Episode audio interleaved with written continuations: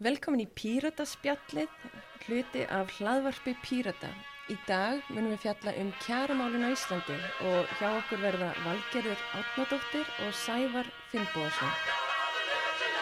We want to be free to, to do what we want to do. And we want to get loaded. And we want to have a good time. And that's what we're going to do. Valgerður Átnadóttir vinnur á félagsviði eblingar og auki þess þá situr hún í framkvæmdaráði Pírata. Valgerður, velkomin. Takk fyrir það. Við vildum endilega fá þið inn í þáttin í dag og spjatta svolítið um verkalýsfélagin, um kjara málinn sem eru núna bara fyrst og, og, og fremst í huga uh, fólks á Íslandi og kannski líka kíkja svona í, í kringum og tilbaka og sjá hvaðan kom þessi barátta til okkar.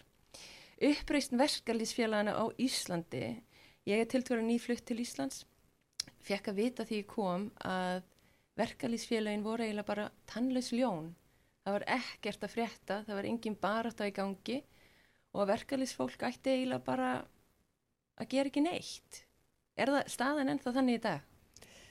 Ég myndi segja að hún er mjög hratt að breytast en hún var þannig í mjög mörg ár. Ég hugsa sko eins og fólki sem er uh, búið að vera lengur en ég í verkalýsbaratunni og er reyndara eins og innan eflingar að þeim finnst bara búin að vera einhver svona látiða núni í 30 ár og ég hugsa að það hafi bara uh, komið inn í fyrra þegar að bjelistinn tók yfir eblingu Mm -hmm. þegar að Solveig Anna bauði sig fram til formans og, og hennar hópur sem að hérna, komst í stjórn líka þegar að þau bara byrju að láta boltan rúla, fara út á vinnustæði, tala við fólk og, og komu nýjum kostningum á stað, þá hefði ekki verið kostning í verkalýsfélagi í 20 ár. Já, Heldur hefði fólk bara verið sjálfkjörið áfram og ymmit kannski þessuna sem þessi láteiða hefur myndast en þess að það þarf kostningar og það þarf nýtt fólk, annars verður fólk svona svolítið samdöina því sem það er að gera og, og mér skilst að svona stemningin innan verkalýsfélaga var bara orðið meira svona eins og stopnun og, og skrifstofa en ekki, það var engin svona baráttu andi í fólki. Hvað gerðist? Gerðist eitthvað eða fekk fólk bara nóg? Ég held einmitt að það er það sem hafi gerst. Fólk fekk nóg. Við náttúrulega upplifum hérna hrun fyrir rúmum tíu árum og í kjölfæra því þá vorum við að vonast eftir vissum breytingum á okkar högum og hérna í stað þess að uh, hægir okkar hafa batnað það hafaði versnað. Þannig að fólk á lægstu laununum er að fá minna fyrir launin sín í dag heldur en fyrir tíu árum og, og, og leigan til dæmis hefur hækkað upp úr öllu valdi.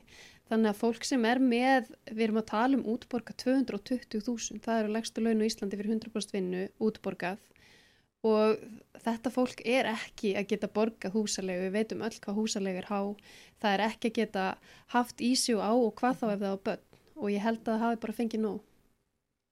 Þegar þau fara um þá fyrir hvað er ári síðan, Mm passa það ekki nokkur neginn? Jú, það er rúmt ár síðan þau byrjuðu.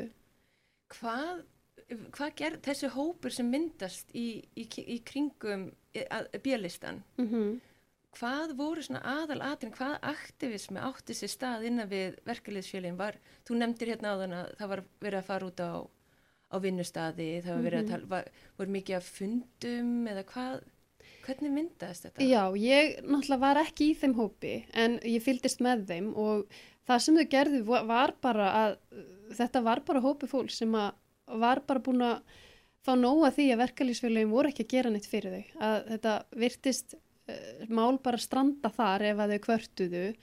Uh, kjarasamningar fyrir þrem árum voru bara mjög slæmir. Það Mhm. var ekki hérna mikil kjarabót hjá fólki á lægstu launum og mér skilst bara að þau hafa bara tekið sér saman og ákveðið að bjóða sér fram og, og þá bara hófst eins og, eins og við þekkjum kannski í pólitík viss kostningabaróta og þá ferðu út á vinnustá og tel, tala við fólk og þú var að vita hvað þau þurfa og hvað þau vilja og það er það sem þau gerðu og verkefælisfélun hafði ekki verið að gera þetta í langa tíma. Nei. Þau eru ekki einu sinni, ég er kannski ekki að tala fyrir öll verkefælisfélu, kannski eru einhver út á landi dögleiri að heimsækja vinnustæði en eins og núna síðasta hálfa ári sem ég hef unnið hjá eblingu þá hef ég verið að sæk, heimsækja vinnustæði og stundum nokkra á dag og, og það er bara þú veist, á flestum stöðum sem ég mæti þá bara, heyr, það, það hefur bara enginn komið yngar frá verkefælisfélaginu áður Já, þú veist, en gaman að þú sért komin og, og maður hugsa bara býtu hvað voru þið þá að gera Já. í öll þessi ár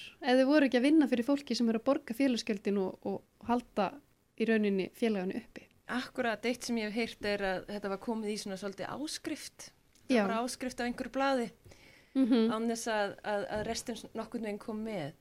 Þegar þú ferð og heimsæki fólk mm Mhm. út af vinnustöðum, tala við fólk, uh, sérstaklega núna væntanlega síðustu mánuði, hvað eru aðalmálin sem, sem fólk eru að koma til ykkar með? Aðalmálin eru þau að launin dögi ekki fyrir nöðsynjum. Mm. Það er aðal, bara, fólk vill bara geta að lifa á laununum sínum, það er ekki að byggja um mikið. Eh, svo eru náttúrulega líka ímis önnumál sem komu upp. Það er verið að brjóta samninga, það er verið að láta fólk vinna yfirvinnu án þess að borga þeim rétt eh, eða vinna of mikið og ekki verið að, verið að kvíldar ákvæði og annað. Og hérna, já, það er svona almenn óánægja kannski sérstaklega bara bæði með vinnutíma og líka bara kaupið fyrir þann vinnutíma. Fólk er ekki að fá greitt í samræmi við hvaða leggur á sig. Og undarfarið þá hefur líka verið uh, rosa mikið um það að það sé verið að segja upp fólki og fólki sem er eftir á að taka við þeirra störfum í ofanálag en far ekki hæra kaup. Þannig að það er að taka meiri ábyrð á sig, meiri vinnu en kaupið hækkar ekki. Akkurat, akkurat. Við tölum svolítið um það áðan, þú sagðir að það var eiginlega ekki mikið búin að gera síðustu 20 árin í, í, hérna, í, í stjættafjölum á Íslandi. Þó þegar við horfum á ekki bara á Íslandi en kannski líka uh, á, í nágrannulöndunum okkur á, á Norðurlöndunum, þá hafa verið svona baróttur sveiflar. Mm -hmm. Það hefur verið að sveifla svolítið fram og tilbaka. Uh, við höfum fyrir mögulega svona 20 árum síðan séð að það gekk eiginlega bara ágætlega þannig séð. Við vorum komið með mörg, uh, verkamenn komið með og verkafólk komið með bara réttindi Mm og svo gerist eiginlega kannski ekki rosalega mikið og svo allt henni blúsar þetta upp aftur. Hvernig, mynd, hvernig sér þú síðustu 30 árin innan við verkalýsfélagin á Íslandi varðandi þessar, þessar sveiflur? Já, það er náttúrulega kannski tvent sem spilar inn í. Bæði það að um, þegar fólk hefur það ágætt, þá er það ekki í baróttu og líka þegar að það hefur það ágætt innan vissra félaga og er komið í eitthvað, þú veist, ef þú venst því að það hlutinir eru bara ágættir og kannski missur þennan baráttu anda og gleymir svolítið fyrir hvernig þú ert að vinna. Mm. Þannig að hérna, það var kannski gott þarna í kringum milli 95 til, til 2000 á mörgum vikstöðum en svo strax um aldamótin þegar að eins og ríki og sveitafélug byrja að, að hérna, uh, senda sín verkefni í rauninni út úr húsi, outsourcaði nú mann ekki Já. alveg hvað heitir á íslensku, á íslensku. en þau fengu sérst til dæmis ræstingafyrirtæki til þess að taka yfir ræstingar hjá ríki og borg. Og um leið og það gerðist þa- þá voru þær konur sem að þar voru að ræsta að fá allt niður í 50% af sínum launum. Þannig að veist, það var mjög fljótlega broti á því fólki og það var ekki tekið á því og er ennþá ekki í rauninni búið að því.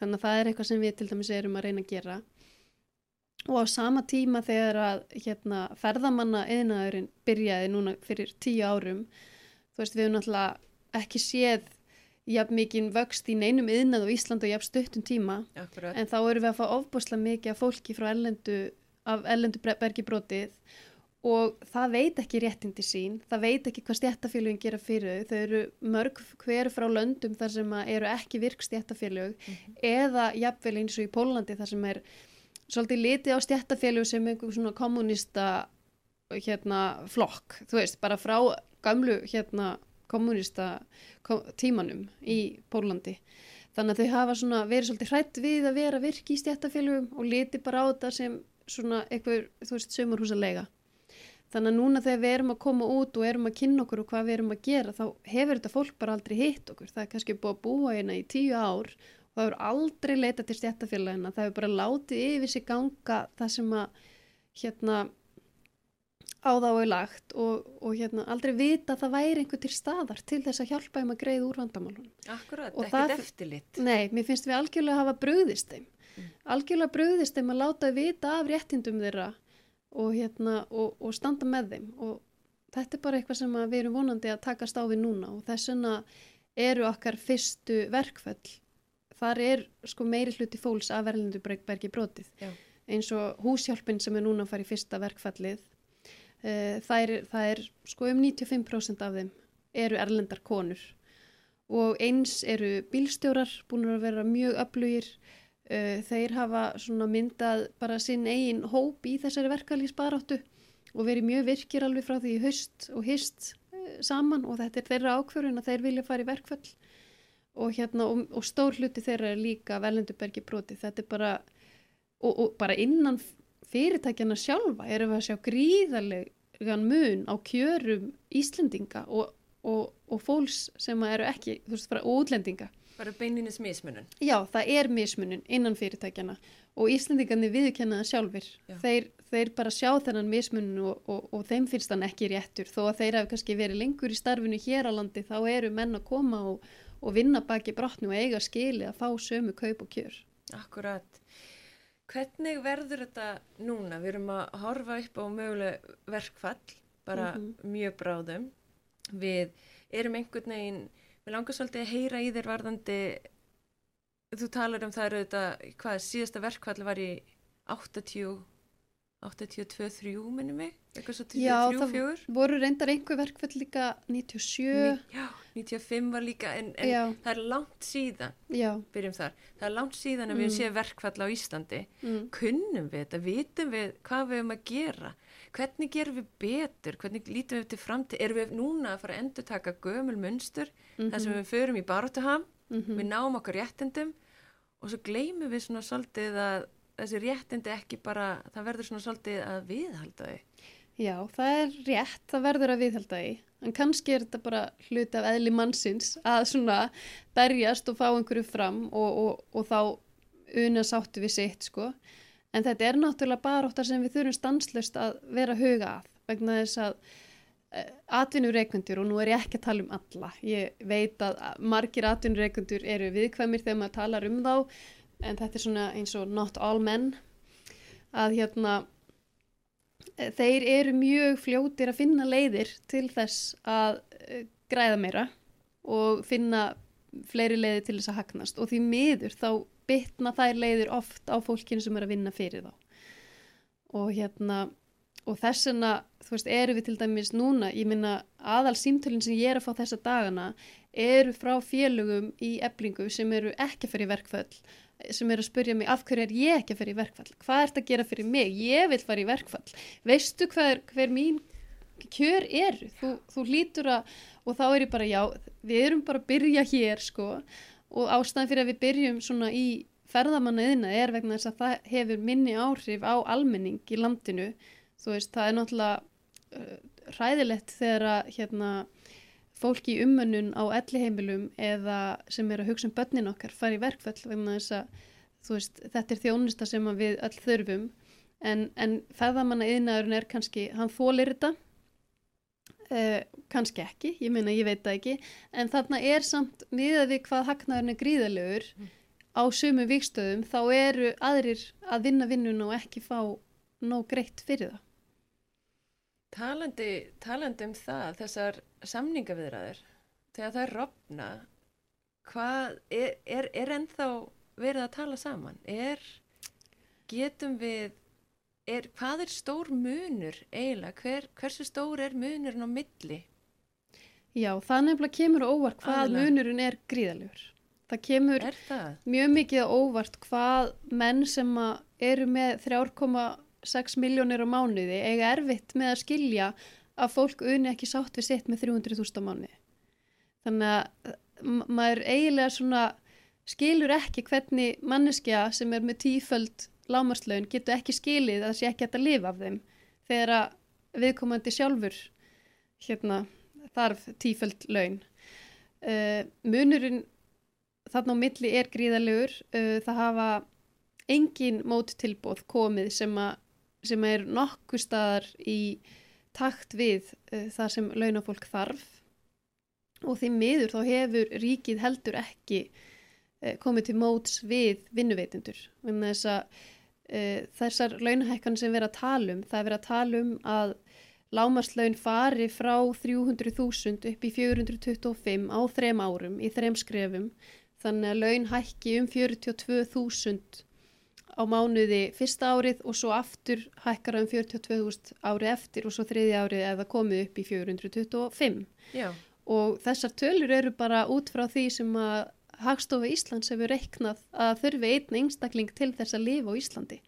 Það þarf einn einstakling samkvært þeirra tölum eitthvað kringum 350.000 til þess að geta borga húsalegu og mat og lifað fyrir sig einan og þá eru við ekki að tala um neitt luxus og ég hugsa að allir sem að horfa á þetta reiknistæmi viti það og allir útisnúningur um að, að þetta muni koma af stað verbulgunni eða rinda af stað verbulgunni og að þetta muni hérna eh, já ég meina eins eins og bara Bjarni Ben sagði að, að sko hlutfalslega er hérna erum við uh, með eru kjör okkar mikið betri heldur en við vorum fyrir tíu árum. Svona ef við tökum meðaltalið en við erum að tala um fólki sem er ekki í meðaltalið þetta fólk er neðst í steganum og það þýðir ekkert að segja þeim að hlutfælslega höfum við það gott á Íslandi en þess að þau hafa það ekki gott. Og það er bara svo mikill ójöfnuður og til þess að ná meiri jöfnu þá þurfa þeir að koma til móts við okkur. Og, hérna, og það er bara mjög sorglegt að sjá að þeir eru ekki tilbúin til þess. Nei, hver er staðan núna? Ég meina fyrir rúmum tíu ára síðan, rétt eftir hrjun, þá áttum við þetta alla, alla setja eitthvað í púkin og ná saman og við áttum að býða aðeins með að fá launahækkanir og hjálpa stað með að ná fótum aftur sem þjóð mm -hmm. og það var alveg nokkur ár sem gengum við því en núna og býðiði nú, býðiði með að semja og hart, býðiði nú með þessa kjara baróttu býðið nú aðeins og mm -hmm. tíu ára síðan erum við hér. Mm -hmm. Hver er staðan núna? Staðan núna er bara svo að það er að myndast uh, hérna bara mjög mikil baróttu hreyfing innan verkalýsfélagana. Mm. Uh, fólk er búið að fá nóg, uh, það vill breytingar og það er að reyna að tala við bæði hérna ríkistjórn og atvinnu reikandur og einhver starf þá verður við að ná saman. En þess að ástandi eins og það núna það gengur ekki áfram. Nei, er...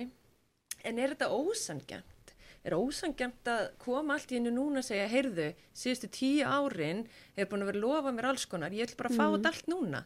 Er þetta ekki svolítið frekja, er þetta ekki svolítið of mikið að koma núna og segja heyrðu, ég ætla bara að fá þetta allt á einu brettu, takk fyrir Já, ég held að þetta sé kannski ekki alveg solis. Við erum náttúrulega búin að vera að reyna að, hérna, að fá í gegn að uh, húsnæsvandamál séu lögu. Við erum búin að reyna að fá það í síðustu tíu árin. Ég minna það átti að koma til móts við heimilinn.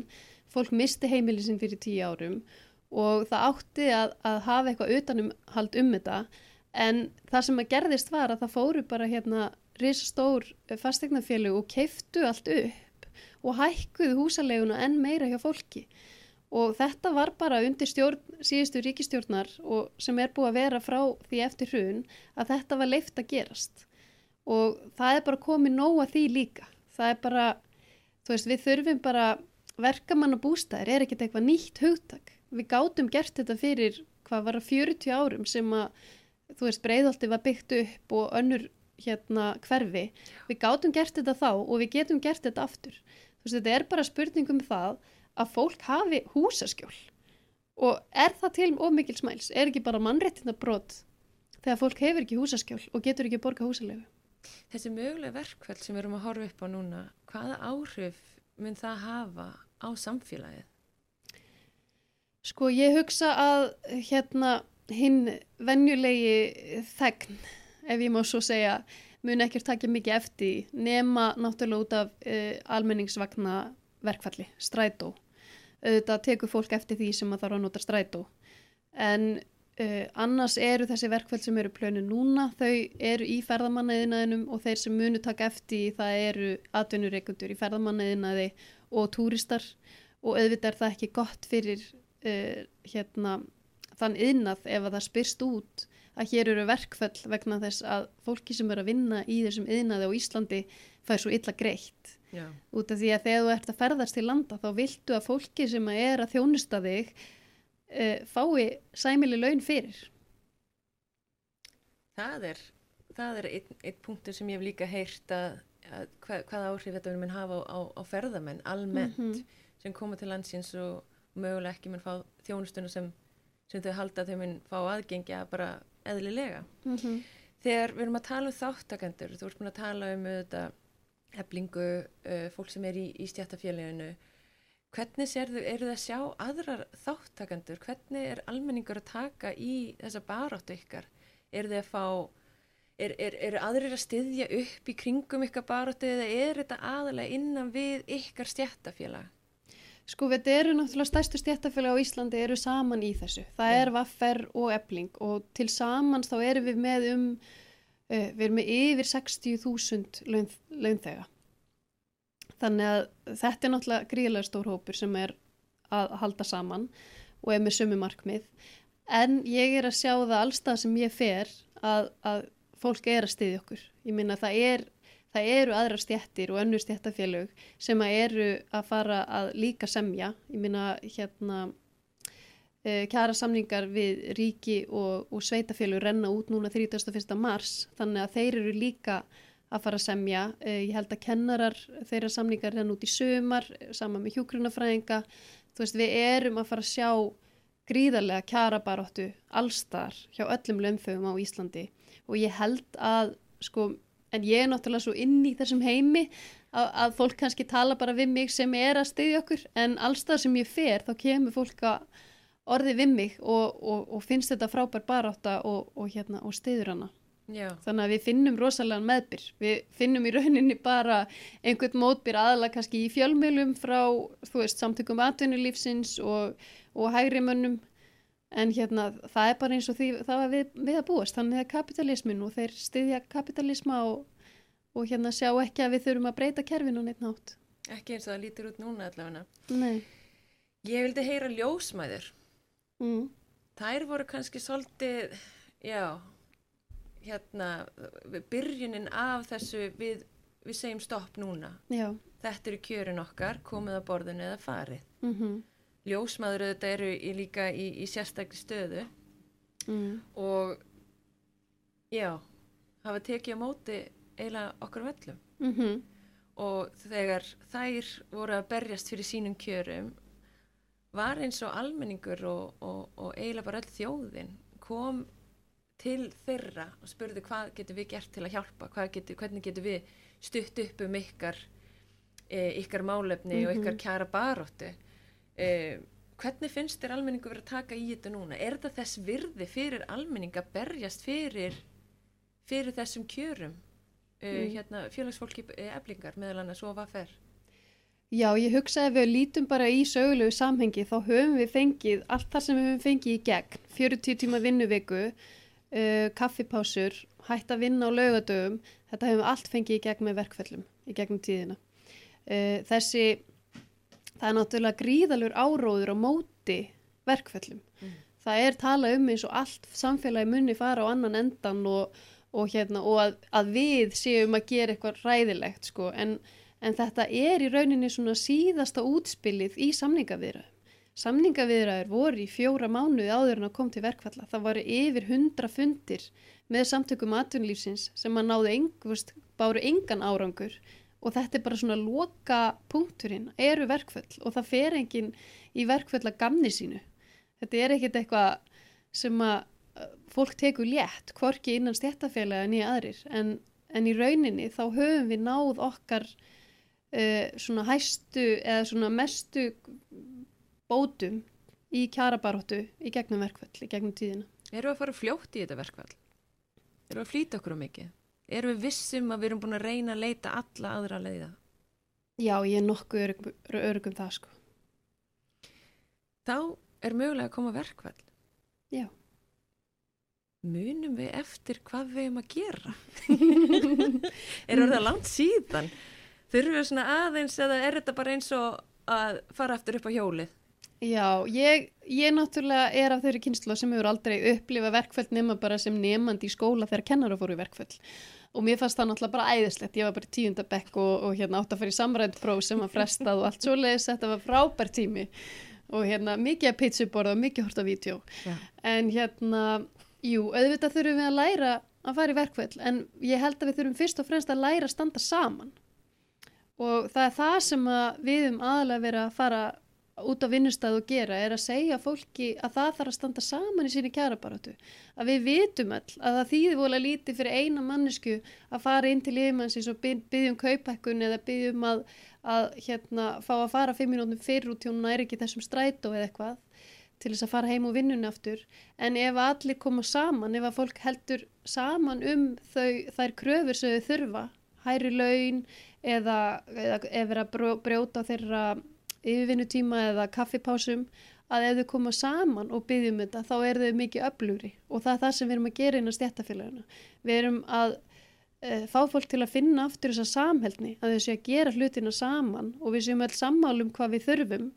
E, þetta er náttúrulega eins og bara með kröfugerðina, það er hundramann og hópur sem að skrifa þessa kröfugerð saman í samningarnemnd eblingar og svo komum við saman með SGS og VAFR í þessum kröfum okkar. Þannig að það er mörg hundru mann sem standa bak við þetta og voru sammála um að þetta væri það sem væri mikilvægast fyrir launþöga í landinu.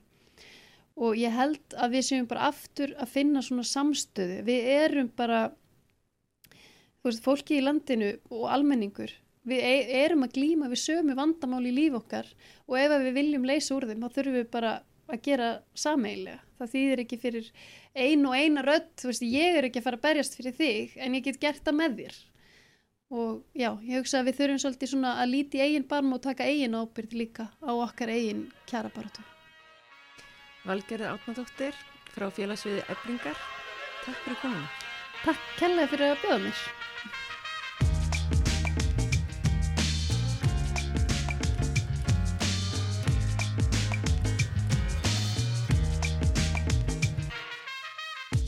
Sævar Finnbóðsson, velkomin í þáttin. Þakka þið fyrir.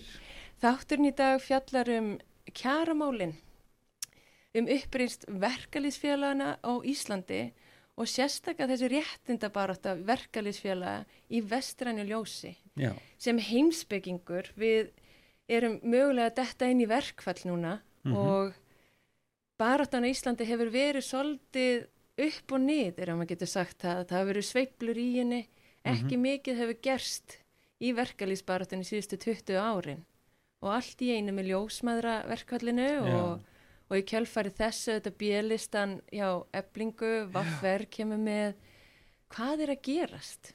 Já, það var að spyrja sko hmm. þú nefndir aðeins við mig sko hvort að, hvort að ég geti séð að það væru einhverja svona eh, já heimsbyggilegar eða svona hugmyndasögulegar ástæður fyrir því sem verður að gerast. Og þeir varst svona undirbúa með undir að koma og, og ég svona er búin að vera aðeins að melda þetta með mér og, og hérna að því þú nefnir sko þú ert að horfa til svona lengri tíma 20 ár til dæmis. Akkurat. og ég fór að hugsa tilbaka bara frá því að ég var sjálfur í, í hérna grunnskóla.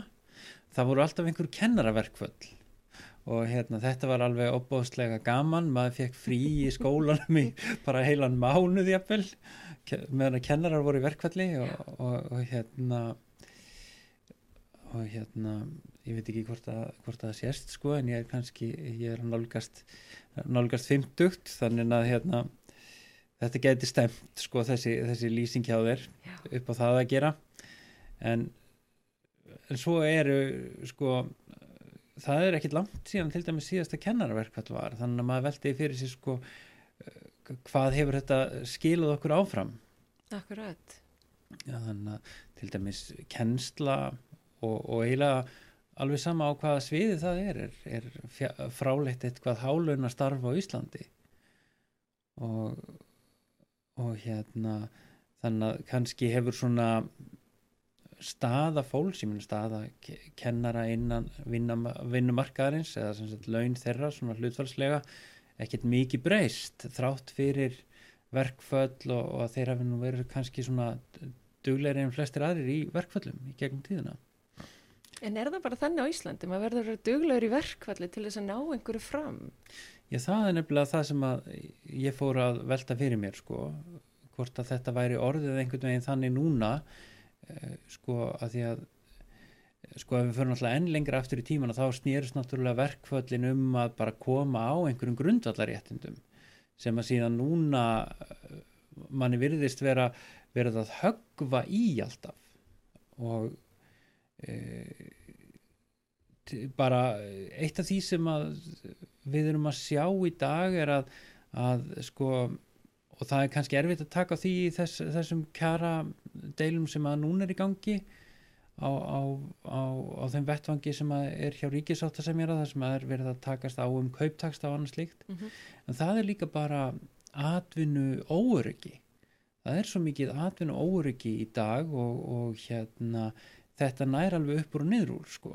ég til dæmis er, er, er hérna fræðimaður og staðan er þannig í dag að það er alltaf sífælt meira og meira af þeirri kennslu sem er verið að vinna í háskólum er, er unnið af stundakennurum sem eru verktakar sem eru á alveg hræðilega lélegum launum Mm.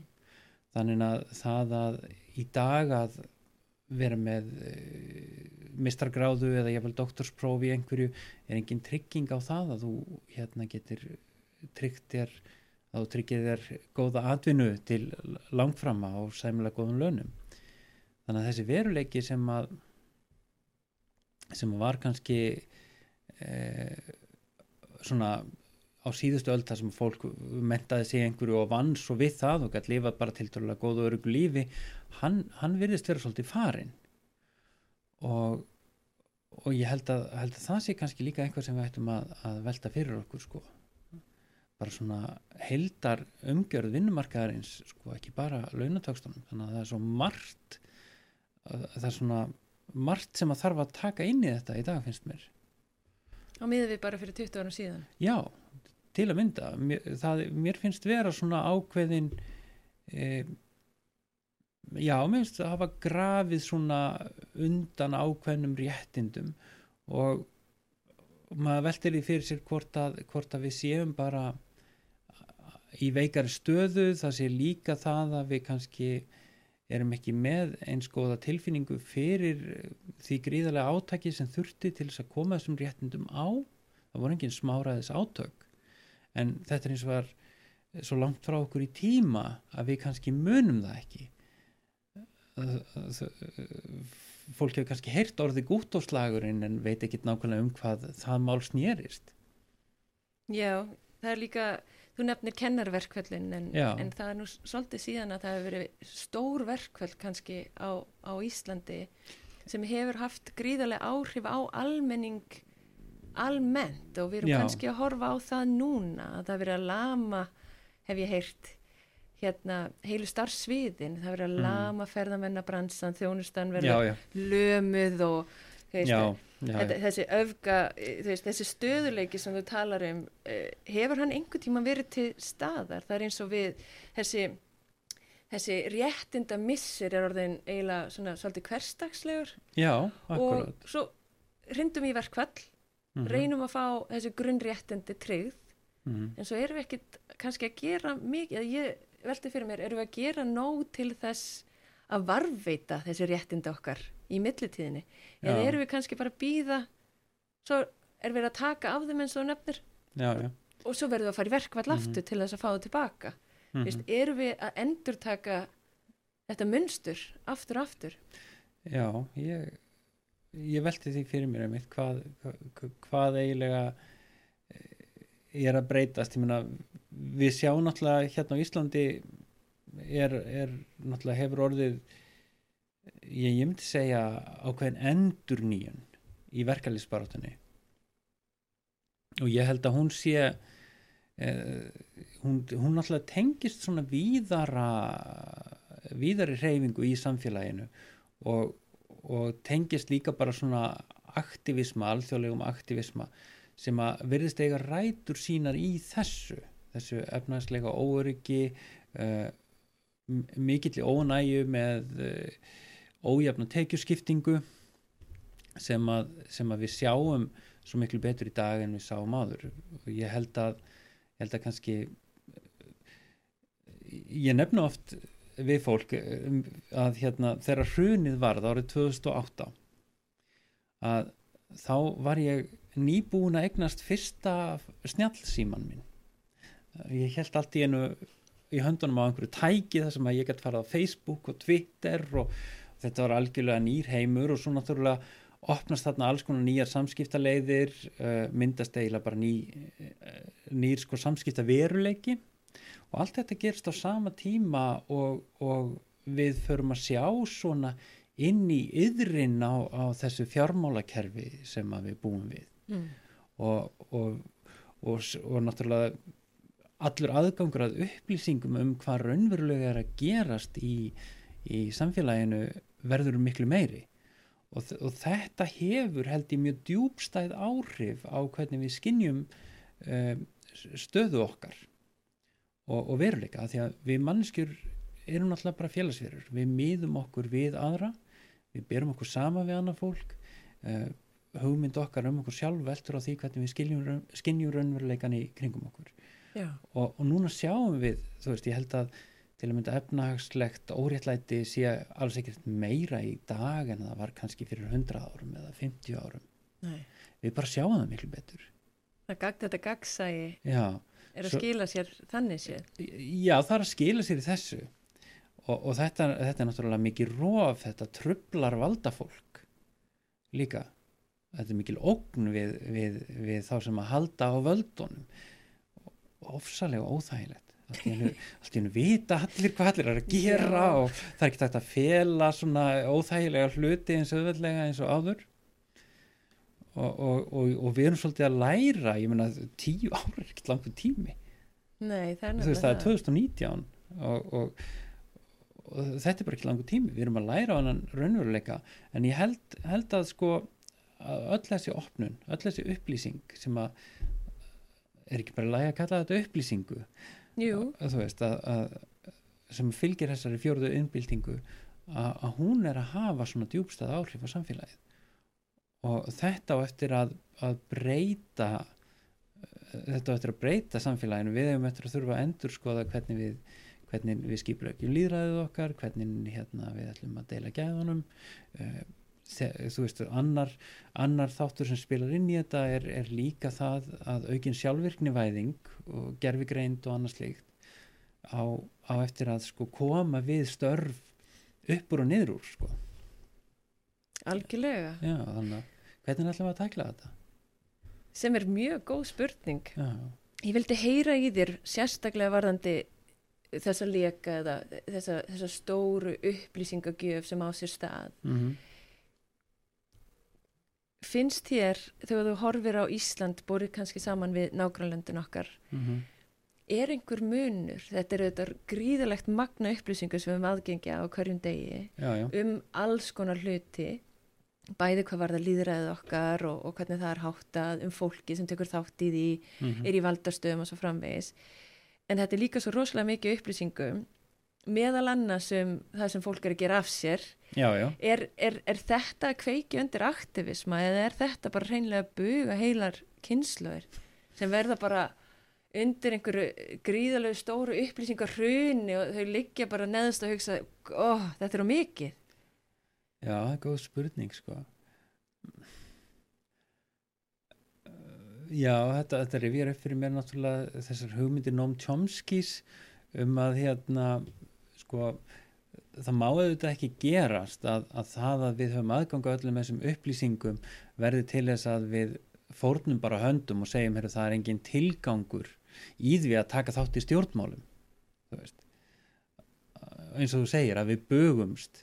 Og, og ég er ekkit vissum að það sé endilega. Við sjáum, sjáum sko mikinn aktivisma víða í Evrópu, gulu vestin í Fraklandi til dæmis uh, þar sem að og, og Occupy-byltinguna og, og alla þessa svona allan þennan aktivisma, MeToo-byltinguna og fleira í þeim dúr. Og þannig að ég held að þetta sé náttúrulega, þetta kveikir í fólki en, en við höfum kannski sko eh, já, allir, allir, allir fólk sé ekki líka bara að finna sér fjölbreyttara leiðir til þess að hafa áhrif. Og meira þá á grundvelli málefnana Mm. sem þarf að vinna að og, og þar að leiðandi til dæmis eins og með verkefliðsreifinguna að, að hún er mitt sko þarna kemur inn eh, heilmikið af nýju fólki. Og við sjáum þetta til dæmis í eblingu þar sem að Solveig Anna og Viðar standa í fylkingabrjósti. Já. mjög klárt og, og, og hérna öflugt fólk sem að, sem að hérna, leiðir þá baráttu. uh, og ég menn þetta er fólk sem hefur verið aktíft í alls konar félagsstarfi og, og, og baráttu síðustu árin og, og verið til dæmis virki í róttaka sumarháskólanum. Þannig að þannig að þetta, er mjög svona uh, þessi, þessi aktivismi á sér kannski fleiri leiðir og svo springur þarna í gegn sko. Þannig að þetta mjög áhugavert. Finnst þetta líka holdt fyrir líðræðið að, að hérna fólk sé að finna sér þessa leið til þess að, að vinna vinna að svona auknum jöfnuði í samfélaginu Já, hún valgerði talaði við okkur um líka að margt af því sem áttu sér stað fyrir ári rúma ári síðan mm -hmm. var bara góður gamaldags aktivismi Já, bara fara, banka upp á hurð Já. fara inn á vinnustæði hæ, ég, ég er frá eblingu Hva, hvernig líður ykkur hér, hvað er að gerast hér? Já, einmitt. Uh, að það var ekki það tæknivægt að, að aktivismin eins og hann lítur út í dag mm hefur alveg mörg andlit. Já, og hann tengist einhvern veginn samt á milli. Mm að það er verið að nota þessa nýju inn- innbyltingu til að kannski ná aðeins lengra út en það er ekki það sem hvetur fólk kannski beinlinis til þáttöku nei, nei, einmitt og, og kannski líka að það er náttúrulega svo ofbáðslega mikið að gerast á samfélagsmiðlum.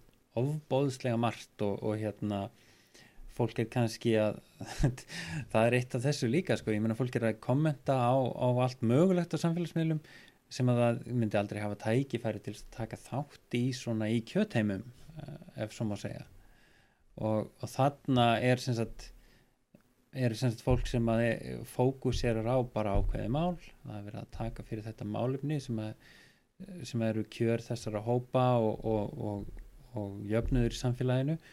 Og þá þarf að fara út á meðalfólks til þess að, að hérna, að því að mér hefur sýnst og þú veist, en ég náttúrulega er bara hérna, meðaldra kvítu kallmaður og allt það og hérna en þú veist, mér hefur sýnst að, sýnst að það sé hægt að koma ákveðnum hlutum á reyfingu en, en til þess að raunverulega breyta einhverju, þá þarf líka að ganga lengra, það þarf að, að svona mynda hópa og hitta fólk og tala saman sko. Já, þú nefnir gulu vestin í, í, í Fraklandi og ég vildi heyra sérstaklega hvað varðar þessa sveiflu sem ég talaði um áðan -hmm. Réttindamissir, það er orðin svolítið hverstaskostur, við erum ekki að, að viðhalda þessum réttindum sem við eigum. Uh, og það sýnir sig kannski sérstaklega í stjættafélögum mm -hmm. uh, já og, og síðustu 20 árin hafa kannski, það har ekki verið mikið reyfing að þetta verið Nei, eh, svona svolítið áskrift af einhverju blaði sem kemur inn í staðan fyrir fólk sem er í vinnu að berjast fyrir viðhaldi réttinda uh, vinnandi fólks. Já, já, þetta hefur verið svolítið stopnanavætt sko, eða var svolítið stopnanavætt þess að var komið í svona ákveðin fastan farveg svona stopnanavættan farveg og, og sem að gekk einhvern veginn svona sjálfkrafa, það var fólk þarna sem held utanum allt og, og félögin og starfsmenn og sem að sáu um þessi mál einhvern veginn og það kannski svona leisti félagana daldi undan uh, þáttöku uh, kvöðinni, ef svo má segja. Og ég meina höfum við ekki öll nóg að gera? Við, þú veist, þurfum að sækja börnin og, og það þarf að elda kvöldmatinn og, og svo þarf að fara í leikhús og bíó og allt þetta því að kynsluðunar og undan voru náttúrulega búin að ávinna, vinna sko ávinna okkur gríðarlega mikil réttindi. Mm. sem að sem að fólk gat þarna þú veist, bjó að og gat þar leiðandi verið að fara í leikus og, og allt þetta sem, að, sem okkur finnst svo eindalt að gera. En, en hérna þannig að kannski hefur svona tilfinningin fyrir mikilvægi þess að, að taka þátt í þessu starfi eh, daldið, daldið hópað. Já, þessi samkend sem við erum að sjá Já. núna þessi, þessi samstæða sérstaklega. Já, erum við eitthvað að erum við til fyrirmyndar hér á Íslandi erum við eitthvað sérstök okkur finnst það oft já, já. erum við að, að einhvern veginn að ganga móti ströymnum á miða við nágrannlöndin okkar á miða við Norður-Evrópu Mhm. á miða við Bandaríkin við erum alltaf að fr- fá frétti frá þessum blessaða fosseta þarna hinum einn og, og, og, og við erum að heyra hræðilega hluti um alls konar lög í. Danmörku og það er svona hægri, svona kannski svolítið ljóta andlit hægri pólitíksins sem fjallar ekki um frjálslindi og réttindi einstaklingsins já, heldur, heldur svona svolítið, já, ljótara andlit hægri pólitíksins sem við erum að sjá í kringum okkur. já. Erum við einhvern veginn að að aðskarða, erum, erum við fremst í einhverju einhverju nýrri Réttindabaráttu. flóðbyr, já, réttinda baráttu, einhverju öldu sem er að fara núna að, að, að hafa áhrif á nágrannlöndin okkar. Þetta svarið er nei. Jæja, það er nei. Við- Já, nei, ég meina, sko, við, ég hef nú oft, oft hérna verið skammaður fyrir það að, að vilja gera ofsalega lítið úr þessari svona, eh, þessari sér íslensku hérna hugsunum að, að við séum svo sérstök og þar leiðandi hérna og kannski betri en aðrir á hinum að þessum sviðum og einhvern veginn allt sem Íslendinga gerir sér svo ægilega frábært. En eh, ég meina í grunninn þá þá erum við ekkit mikið þjóðið, það er, jú, ég meina það er ákveðna svona sögulegar eh, tilviljanir eða, eða aðstæður sem að, sem að við höfum hérna, sem eru öðruvísi á Íslandi. Og, og hérna en, en grunninn er fólk bara fólk og, og, og hérna mikið, mikið af þessu sem er að gerast í öðrum löndum eins og til dæmis kostning Trump og Brexit og allt þetta tengist í að, að fólk er að upplifa að mínum að þið allavega, fólk er að upplifa það að líðræðið er ekki nú svona responsíft eða, eða sem sagt e, nú svona það maður að skrifa einsku alldaga Er það, það þú? Já, það, það ekki- kannski, það kannski bregst ekki nægilega vel við. Það tekur ekki nógu mikið tillit til aðstæðina og vilja uh, þeirra sem eru kannski, ég menna kannski svona 60-70% íbúana sem kannski hafa bara tiltölulega lítil völd og eins og til dæmis Gillens og Pates sem eru bandaríski vísindamenn við, við hérna Stanford eh, komust að þegar þeir ranns, rannsökuðu sko eh, afdrif mála sem að þingi var að fjalla um í bandaríkjónum hvaða áhrif vilji kjósenda hafði versus vilja hagsmuna aðila sem að skipulaðara hagsmuna aðila sem að geta náttúrulega haft svo mikil áhrif á, á frumvörp og annað slíkt með því að senda inn hérna lærð, eh, lærðar umsagnir og annað Akkurat. og, og hérna þeir rannsökuðu alveg gríðarlega fjölda mála langt eftir í tíman og komist að því að það var í rauninni engin svona marktækur um, eh, voru engin marktæk tengsla milli þess sem almenningur vildi og, og hvernig síðan eh, frumvörp fóru í gegnum þingið en hins vegar voru mjög sterk sterk tengsla milli þess hvað sérhagsmuna aðilar business elitan og annars slíkt vildu og hvernig mál breyttust og þrófust í þinginu. Og, og þetta er svolítið það sem við sjáum kannski vera, hafa verið mikið að gerast í menna samtöku atvinnulífsins og allir þessir aðilar sem hafa haft í, í rauninni starfsfólk og lobbyista í vinnu til þess að hafa áhrif á alla mögulega hluti. Að, að sko þessi sjónamið hafa hafa þar leiðandi aukið vægi og, og, og venjulegt fólk kannski er ekki að taka þátt í þessu alla daga og hafa áhrif með þessum hætti. Þannig að, að það er svona líðræði hefur, hefur þar leiðandi kannski hunsað ákveðin sjónarmið mjög mikið sem hafa ekki átt eins greiðan aðgang í gegnum kerfið og það leiði til þess að þú ert með fullt af fólki sem að býr í einhverjum uh, riðbeltisríkjum í bandaríkjónum sem að stendur allt í hennu frammi fyrir því að þurfa að velja melli Hillary Clinton og Donald Trump. Og það að kjósa Hillary Clinton hversu sko hversu hérna liberal sem hún er það þýðir bara meira því sama. Já, þannig að fólk, fólk ki- hérna eina leiðin til þess að, að, að, að áorka einhverju breytingu er virðist þá þessu fólki vera að kjósa Trump. Kannski er svipað að gerast í Breitlandi þar sem að, þar sem að þú ert með mjög niður njörfað svona niður njörfaða misskiptingu um, svona stjættaskiptingu bara hreinlega.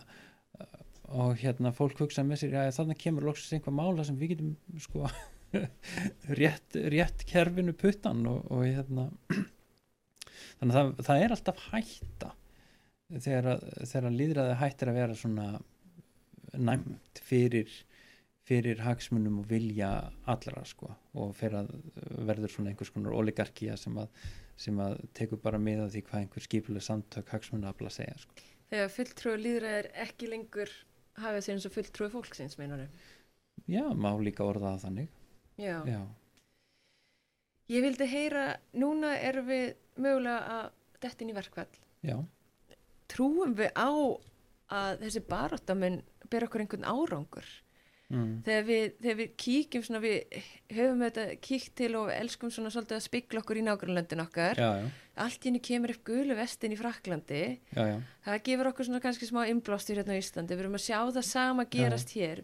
Við erum að, að, að standa saman mm um þessa verkalýs baróttu, um kjör uh, launþega uh, sem, sem, sem eru ekki að trúa því þegar fjármálaráð þeirra segir það er aldrei verið betra, sem er ekki já, já, að lifa það líf sem, sem pólitíkusarnir okkar er að sína er til staðar. já, Sumir myndu kannski kalla þetta gaslighting en, en allavega er fólk sem er í fullu starfi og meira mm sem má valla í sig og á já, já, og, og, og hérna og já, við erum, við, erum að, við erum að horfa upp á þessar breytingar núna mögulega með verkfall. Já, já. trúum við á að þetta mun bera árangur? Hvað, hvernig fer þetta í þjóðarsáluna erum við að ná saman um að bæta þessi kjör?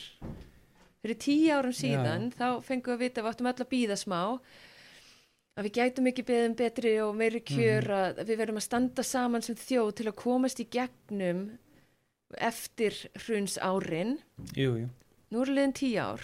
Já, já, við erum að sjá að kvikna í þessum aktivisma á Já, sömum stöðum allavega.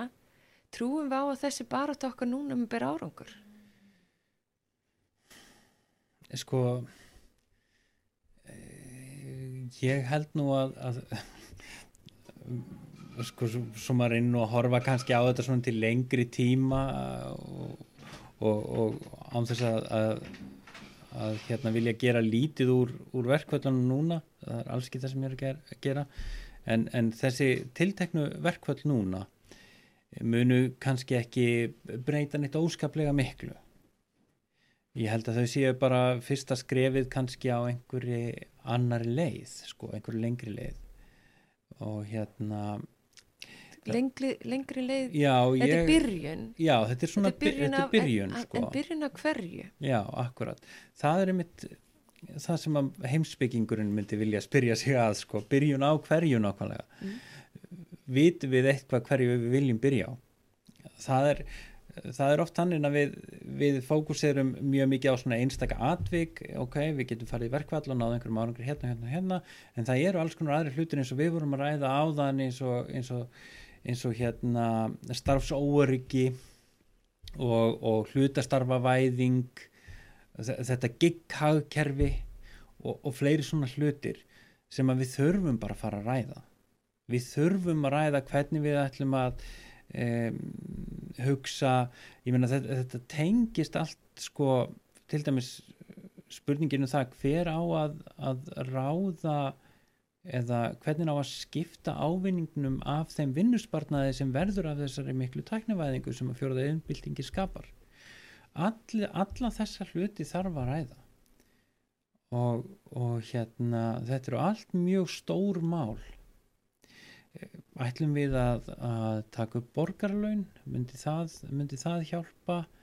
Eh, það er hugmynd sem að mér finnst að við þurfum að ræða mjög alvarlega og það þarf að prófa þessa hugmynd það er verið að prófa hún í Finnlandi til dæmis. Við hefur gefið alveg ágæta raun þar ég held að þurfa að þróa Sviss og á fleiri Já, stöðum fleiri hefur verið að- stöðum. Já, þannig að ég er, er mjög sammálaðir sko byrjunin á hverju. Þetta er klárlega byrjunin á einhverju og það er eins og við sjáum í Fraklandi ég menna það hefur aldrei verið gert grína því á internetinu að svona á Facebook þráðum sem að ég hef séð meðal svona ferkantaðara fræðimanna eins og, eins og mín að það, þessi, þessi gulu vesti viti nú ekkert hvað þau vilja og þau eru að tala um alls konar óskild mál og einhver svona og fólk skilur það ekki, það er ekki vant þessu. En, en ég held einmitt að, að það sé svona vísbending um það að, að, að það er bara svo margt sem við þurfum að, ræða og reyna að ná einhvern veginn svona yfir sín yfir við þurfum kannski bara að fara að hugsa einhvern veginn hagkerfið og vinnumarkaðinu på nýtt svolítið. Og, og vonandi er þetta aldrei byrjun á því og, og ég er nú hlustat aldrei eftir því sem að til dæmis viðar og, og solveig er að segja. Og og náttúrulega þetta er eitt af því sem hefur svolítið komið fram í máli viðars finnst mér eh, viðar Stórsteinssonar og hérna þannig já ég held það, ég held að þetta sé svona fyrsta skrefið á, á slíkri leið sko. Hver, hver er við þegar þú segir við, við þurfum að, er það við erum bara við sko. Þetta, þetta er eitthvað sem kemur öllum við, ekki bara félögum í eblingu og ASI og, og þetta kemur okkur öllum við öllu samfélaginu. Hvernig við ætlum að hafa þessa hluti. Þetta er bara svo stór mál þetta er það sem að stjórnmál framtíðanar eiga snúast um. Þetta, þetta eru málumni sem eiga ekki að vera bara hérna, baráttum mál einhverja verkefliðsfélaga einangruð þar. Og ég held að bara kannski er fólk á mínum aldri og aðeins eldra að þvælast fyrir í þessari hugsun. Skilur hann ekki alveg. Er ekki alveg búið að ná utan um þetta sko. og eins og, eins og ég var að segja á þann ég menna, maður fekk fyrsta iPhone-in 2008 og þú veist þetta var glænýtt tæki og, og þetta var bara glænir heimur og þannig að þetta er að gerast svo hratt og vonandi geti þið píratar hjálpað einhvað upp á það að, að, að, að hérna, draga aðtiklina að þessu Sævar Fimboðsson, takk kærlega fyrir mín var ánægja Just what is it that you want to do? Well, we want to be free. We want to be free to, to do what we want to do. And we want to get loaded. And we want to have a good time. And that's what we're going to do.